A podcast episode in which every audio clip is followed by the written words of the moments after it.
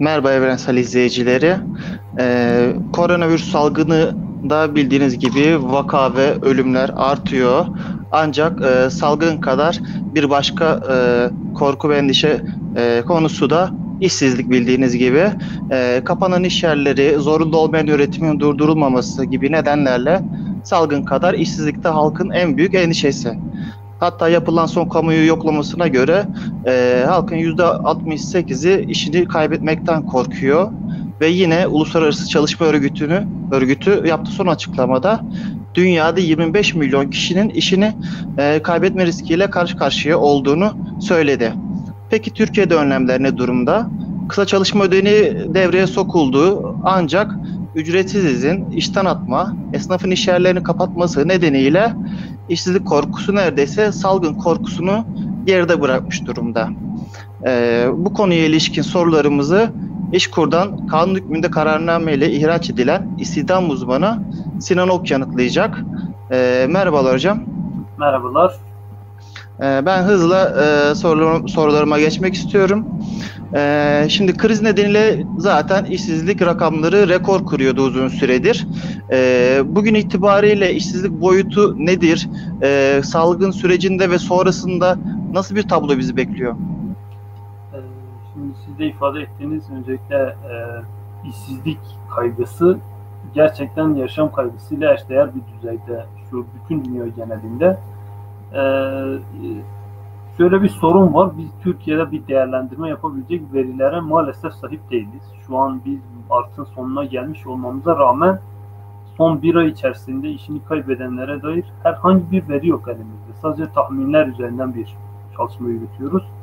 Mesela şu veriye sahip olsaydık çok net konuşabilirdik. Amerika'daki gibi son bir hafta içerisinde işsizlik sigortasına başvuranlar sayısını biliyor olsaydık derdik ki bu krizin etkisiyle işsizlik şöyle bir eğilime sahip ve bu eğilim işte bir ay sürerse, iki ay sürerse şu kadar işsiz ortaya çıkarır diyebilirdik. Amerika'da son bir hafta içerisinde 3 milyondan fazla insan ve 1985'ten bu yana görülen en yüksek rakam işten ayrılmış ve işsizlik ödeneği için başvurmuştu. Ama bizim şu anda e, bir somut veriye dayalı değerlendirme yapabilmemiz için İşkur'un kamuoyunu bilgilendirmesi gerekiyor ifade ettiğiniz kısa çalışma ödeneği e, maalesef e, işsizlik ödeneği gibi o da çok dar kapsamlı ve e, sorunun boyutlarıyla mücadele etmek için biz sihirli değnek gibi gösterildi. Ancak e, sıralayacak olursak kimlerin kısa çalışma ödeneğini alamayacağı şeklinde bir liste çok uzun bir liste.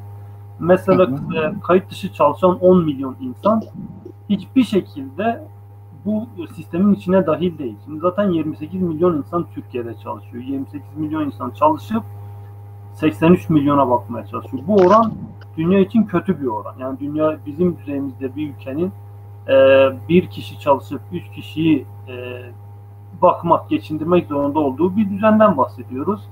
Ve 28 milyonun 10 milyonu sigortasız. Yani herhangi bir şekilde ne işveren ne işçi bu kısa çalışma ödeneği sistemine dahil olmayan yerlerde e. Şimdi e, bu 10 milyonu dışarıda tuttuğumuzda ki 10 milyon diyoruz yani milyon dediğimiz insandan bahsediyoruz. Bunlar dışarıda. Ücretsiz çalışan 3 milyon aile işçisi, 4,5 milyon tarım işçisi, yaklaşık 2 milyon çiftçi, bütün esnaflar, bütün e, e, bu saydığımız başlıktaki insanlar hiçbir şekilde bu kısa çalışma ödeme sisteminin içinde değil zaten. Kimler faydalanacak peki? İşte tam da onu söyleyecektim. Kimler faydalanacak?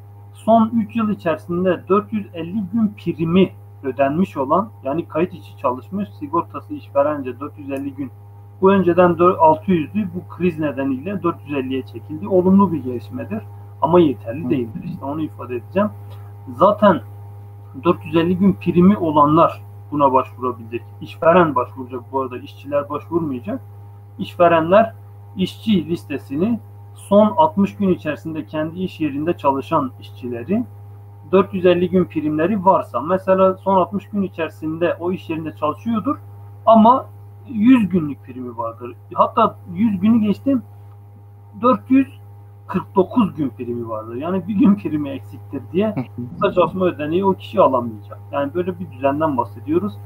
Zaten sayılar muhtemelen 1-2 ay içerisinde açıklanacak göreceğiz. 2009 krizinde kısa çalışma ödeneği öyle o da çok büyük bir krizdi biliyorsunuz. 190, 190 bin işçi yararlanmıştı. Yani Türkiye'deki işsiz sayısı şu an TÜİK verileriyle 4,5 milyon kişiden söz ediyoruz. Tahminimce 1 milyona yakın kısa çalışma ödeneği alabilecek kişinin özellikleri var. Yani 28 milyon çalışandan biz 1 milyon kişiye kısa çalışma ödeneği ödemiş olacağız. Peki ne kadar bir ödeme yapıyoruz? Yani bu yeterli mi onun yaşam standartı için? Yeterli mi? Değil tabii ki.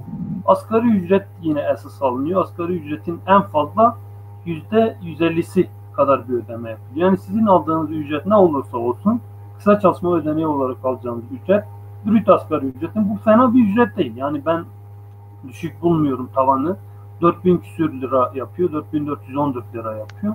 Ama dediğim gibi bu e, kişinin ücreti zaten yüksekse bu miktarı alıyor. Yoksa e, çalışmadığı süreler için alacak. Asgari ücretle çalışıyorsa bu bu kadar olmayacak yani. E, en fazla 3 ay verilebilecek. Bu mesela e, bu da kritiktir. Biz bu krizin ne kadar süreceğini bilmiyoruz. Şu an yeni e, bir ay içerisinde Türkiye için 16 Mart itibariyle biz bu işte iş yerlerinin kapatılması, eğitime ara verilmesi gibi e, düzenlemeleri e, gördük ve e, etkisini bilmiyoruz. Mesela ücretsiz öğret, e, ücretli çalışan öğretmenler Milli Eğitim Bakanı söz vermesine rağmen mağdur etmeyeceğiz diye mağdur oldular.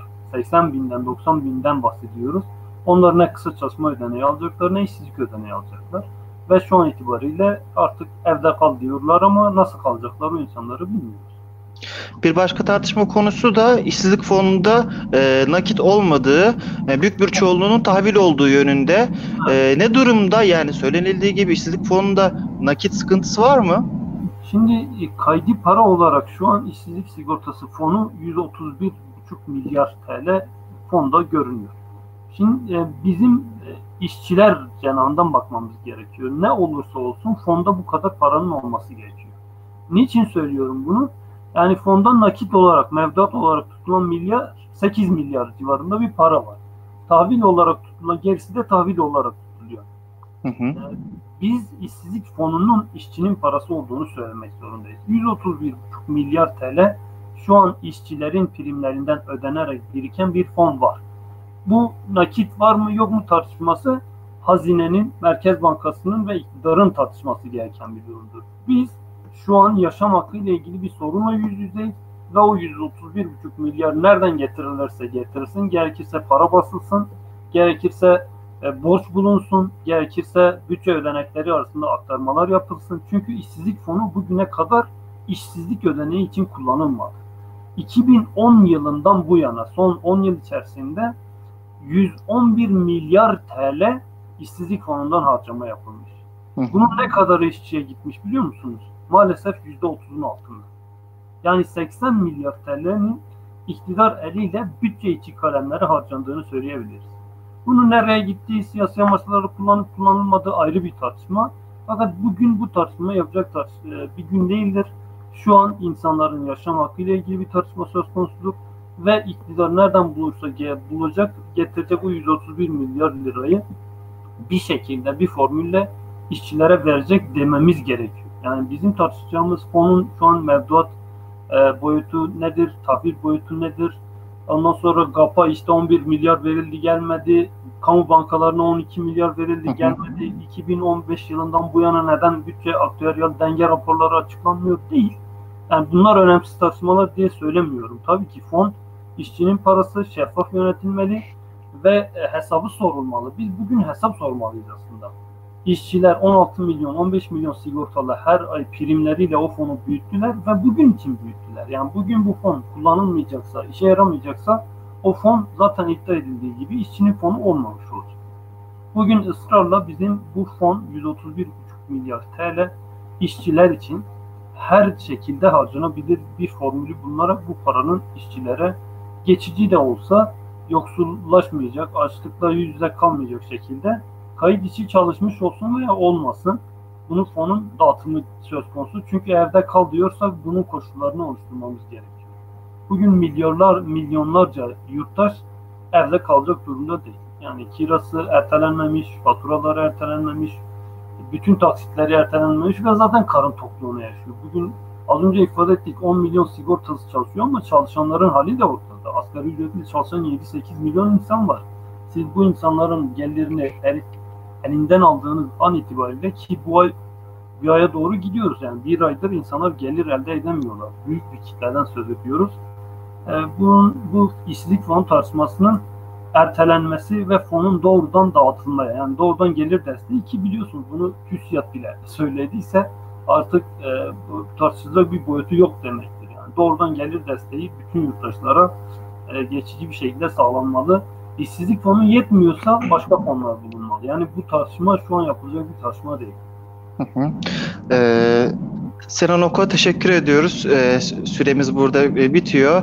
Ee, İstihdam uzmanı Sinan Ok ile e, işsizlik fonundaki son durumu, e, salgın nedeniyle kısa e, çalışma e, kısa çalışma ödeneğinin devreye sokulmasını konuştuk ve e, kendisi e, işsizlik fonundan ve dolayısıyla kısa çalışma ödeneğinden yararlananların kapsamının genişletilmesi ve e, evde kalmanın maddi koşullarının yaratılması e, gerektiğini anlattı. E, çok teşekkür ederiz hocam yayınınıza katıldığınız için. Ben teşekkür ederim. Kolay gelsin Selam.